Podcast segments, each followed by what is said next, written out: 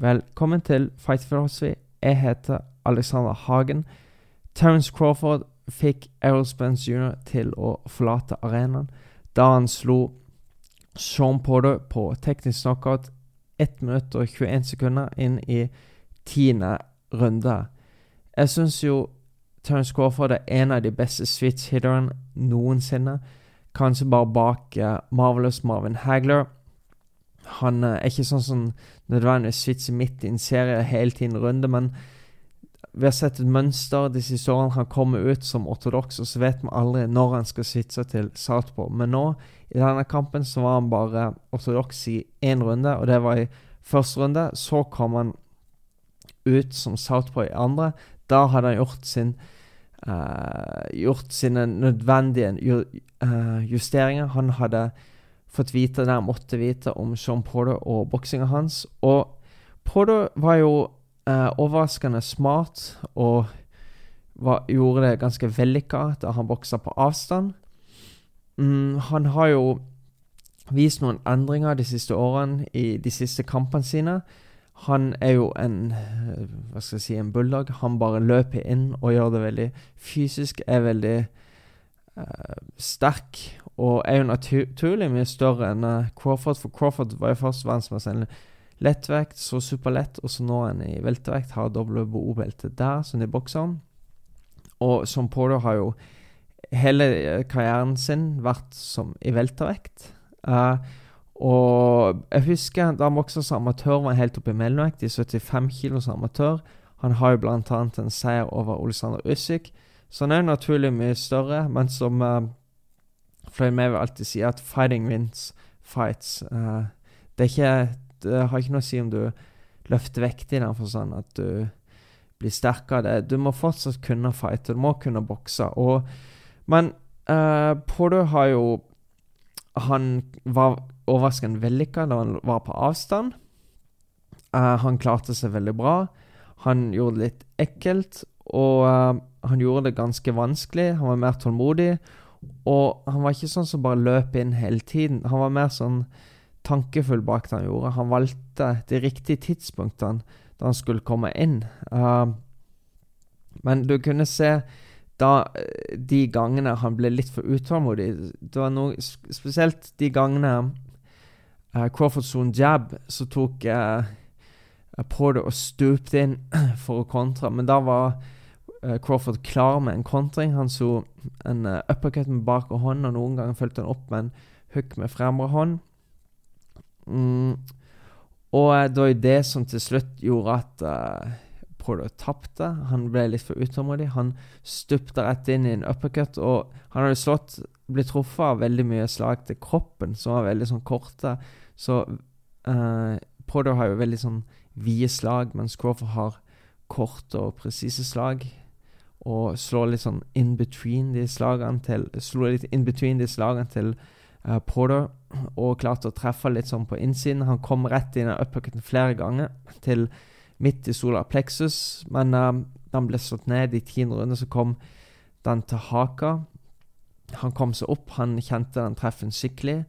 Uh, han fortsatte å komme litt sånn på og prøvde bare å overleve. Uh, men uh, gikk da ned Han slo vel en uppercut igjen, men den bomma. Og, da, og du kunne se etter, etter han slo den uppercuten, at han tok seg tid for å slå hooken. Han er såpass dreven at han, han ting går når, når, du har såpass mye erfaring og såpass mye rutiner og er såpass uh, velskolert, så er det akkurat sånn ting går litt i sommer også. Så kunne jeg se uppercutten bomma, men han hadde tid til å se hvordan han skulle slå hooken, så slo han litt sånn Ikke en overhand Ja, det var en slags overhand, litt sånn ovenfra ned, og traff Porter skikkelig da med hooken fra southpaw-posisjon, altså høyre hooken. Og han gikk ned, og Porter slo, litt, slo mye i bakken og virka veldig oppgitt og frustrert. Og han ville ikke at det her skulle skje. Uh, han kom seg opp, men var på ustødig ben, og da kom Kenny Porter, faren hans, opp ringhjørnet og signaliserte han fikk med hele Han fikk med den uh, fra atletisk kommunisjon i Nevada opp og de signaliserte til kamplederen at uh, de hadde sett nok. Og Kenny Porter sa jo et, etterpå i intervjuet at at han var veldig ærlig og sa at Sean ikke hadde gjort det Hadde ikke forberedt seg riktig. At han ja, hadde kanskje tatt litt lett på trening, eller ikke om han tatt lett på kampen òg, men ikke gjort det han måtte for å være en sånn type kamp. Og han så noe i han som han mente at som gjorde at han mente at det var riktig å stoppe kampen. Og Porter sa jo det riktige og sa at han ville fortsette og følte seg klar. Men, men eh, ja, det var kanskje helt rett at han stoppa den kampen. Og Errol Spence satt jo der i publikum og så på du, de filmene, du kunne se at med en gang eh, kampen ble avbrutt, så storma han ut der med crewet sitt. Han gikk med en gang. Og Crawford sa jo jeg har aldri sett Sp Spence har aldri vært på mine kamper før. Hvorfor kommer han nå, liksom? Uh, og problemet har jo hele tiden vært at uh, Spence og de andre i weltervekt har boksa for Al Heyman og PBC, Premier Boxing Champions, mens uh, Crawford har vært for Top Rank og Bob Aram hele tiden.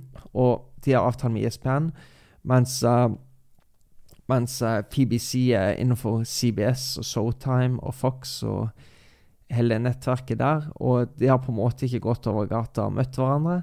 Crawford har vært for seg sjøl, selv, om jeg syns han alltid har vært den klart beste i veltrekk, Så har ikke han fått vise, han ikke fått de kampene han har hatt lyst til å ha. Det har vært veldig frustrerende han, for han i karrieren hans. Uh, og spesielt da markedsføringsmessig så har det vært gjort en veldig dårlig jobb, fordi at uh, han hadde jo alle beltene i superlett. Han hadde et VM-belte i lettvekt og så hadde han belte i weltervekt. Og han har jo hver gang vært totalt dominerende. Han er ubeseira. Mm, og jeg tenker sånn Hvor vanskelig kan det være å selge en sånn type fighter? Han er jo klart den beste Jeg syns iallfall han er klart den beste i vektklassen, og klart en av de beste pund for pund. Du kan si Du kan vel ikke argumentere mot topp fem, i hvert fall. Jeg syns han er nummer to. Um, men det har vært en veldig dårlig jobb med å få, de, riktige, få de riktige kampene hans men, til land, men òg um, få markedsført den riktig. For han har aldri vært en person som har vært så flink å snakke for seg. Han har ikke så veldig mye å si. Han er Jeg syns de, det virka som han lærte litt mer hvordan han skulle snakke til pressen etter hvert, litt utover i karrieren sin, men han har Han har liksom ikke så mye å selge, på en måte. Han, han er ikke en som appellerer til massen. Han Boksepuristene appellerer han til fordi han er så god, og fordi han er ubeseiret, og fordi han slår alle sammen. Men uh, og vi vil bare se de store ferdighetene hans hver gang. Men til mannen i gata, så Ja, de, de, ingen vet jo hvem han er. Så har gjort en veldig dårlig jobb med han markedsføringsmessig. Uh, og OK, han, kan ikke, han er ikke så flink til å prate for seg, men da er det jo synes jeg, promotor sitt ansvar å gjøre noe med det. Så UFC, åssen de markedsfører sine fighter. De gjør en fenomenal jobb med det. Men jeg syns jo Bob Barron med Top Rank har gjort en forferdelig jobb for han. Og så, Det her er jo siste kamp for Top Rank, så jeg får jo håpe at det her skaper mulighet for han å gi han de store kampene. Uh, for uh, det er så synd å se et så talent. Det er så synd å se en med så gode ferdigheter bare sitte her på hylla. Det var over et år siden jeg boksa. Nå er det riktignok over nå er det rundt et år siden eh, Spence boksa. Men allikevel, det er så synd å se de bare sitte der og, og vente på neste kamp. Eh, så får jeg håpe at med denne seieren, og med at i og med at det her var siste kamp for top rank, at han nå endelig kan få møte Spence og de andre helt der oppe i weltervektsklassen. Ok, jeg tenkte jeg skulle si litt om læring. Uh, hvordan man gjør det, og hvordan jeg kjenner til læring, og hvordan jeg vet at andre trenere gjør det. Og uh, jeg tenker sånn Det som er viktig når du lærer boksing, er jo at det skal være positivt, det skal være gøy. Og jeg tenker at det ikke skal være så veldig negativt. Uh, for det er så mange trenere som bare påpeker alt de gjør feil. Men det er sånn Hvis du har et bilde av hva som er korrekt, så er det veldig lett å bare si ja, du gjør det feil, du gjør det feil. Og hvis, spesielt hvis du har en innstilling hvor det å være en trener er at du skal lete etter feil. Da vil du alltid finne feil.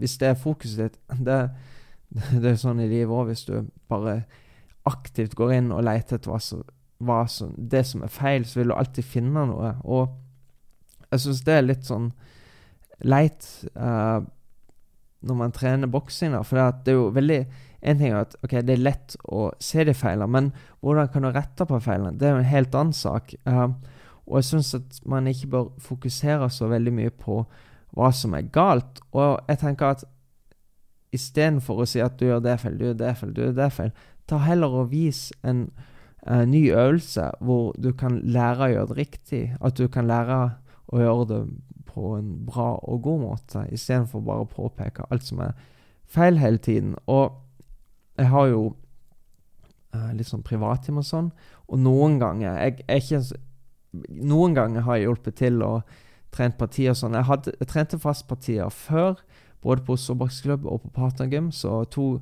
to, ganger i uka på hvert sted så trente jeg partier. Uh, men det går, jeg får det til, liksom, men det er ikke noe for meg. Jeg liker på en måte ikke Du kan si den sosiale biten og forholde meg til så mange mennesker på en gang. Jeg sier ikke at jeg, er, jeg føler ikke jeg er dårlig til det, men det passer bare ikke meg. Uh, jeg syns det tar mer energi enn det gir energi til meg. Jeg liker ikke å forholde meg til så mange mennesker på en gang, men uh, jeg tenkte på det da jeg var med og bare hjalp til å trene en gruppe i forrige uke. Og, og da kom jeg med et eksempel der jeg egentlig bare kom på, på farten. Og jeg syns egentlig at dette eks eksempelet illustrerer hvordan du, du, som trener kan lære bort noe uten å bare fokusere på hva som er galt, uten å bare fokusere på hva som er, er galt. Og det er jo det at uh, fotarbeidet til de fleste uh, inneholder altfor mye unødvendige steg. Og et godt fotarbeid er ikke fancy fotarbeid. Uh, Mohammed Ali etter boka hadde ikke et bra fotarbeid. Uh, et godt fotarbeid er effektivt, balansert, og du er alltid i posisjon til å forsvare deg sjøl eller å slå deg sjøl, uansett hvor det er. Um, små steg. Hvis du klarer å ta minst færrest mulig steg til målet, så er det et bra fotarbeid. Og at du alltid klarer å være der du skal være til enhver tid. At du kan være inne i slagsonen, og du kan være ute av slagsonen når du trenger det. Uh, så jeg er ikke fan at du skal gå fem steg når du bare kan gå to. Så uh, da kan vi si at Golovkin har et bra fotarbeid, men Mohammed Ali har ikke det. For Golovkin er alltid i balanse. Han er veldig kynisk i stegene sine.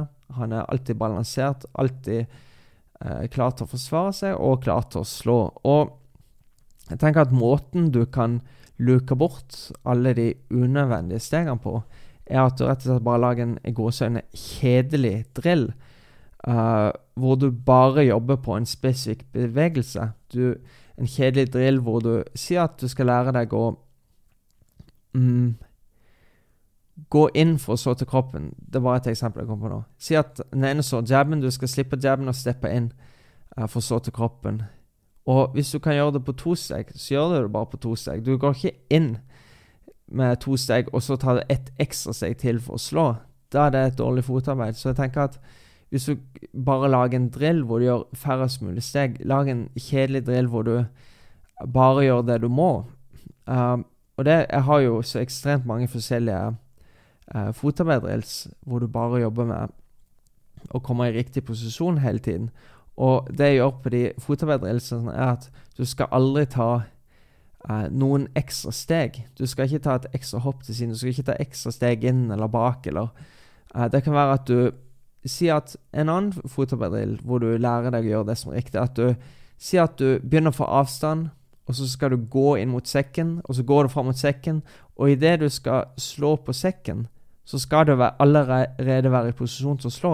For det de aller fleste gjør, er at de går inn mot sekken, og så når de skal slå, så tar de ekstra steg. De, de, ikke, de klarer ikke å bedømme avstanden sin ordentlig, så de stepper et ekstra steg inn med venstrebenet sitt, med sitt fremre ben.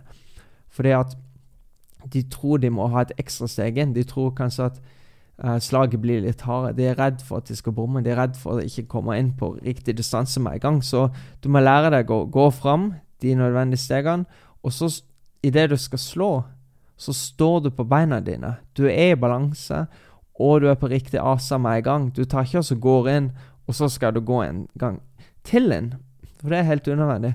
Så tenk på en sånn måte så klarer du å ta bort det unødvendige.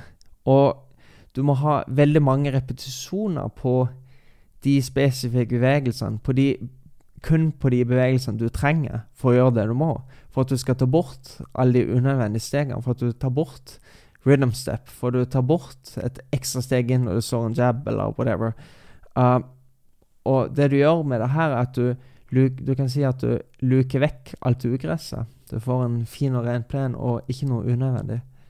Det var egentlig alt jeg hadde å snakke om i dag. Eh, takk så mye for at dere fulgte med.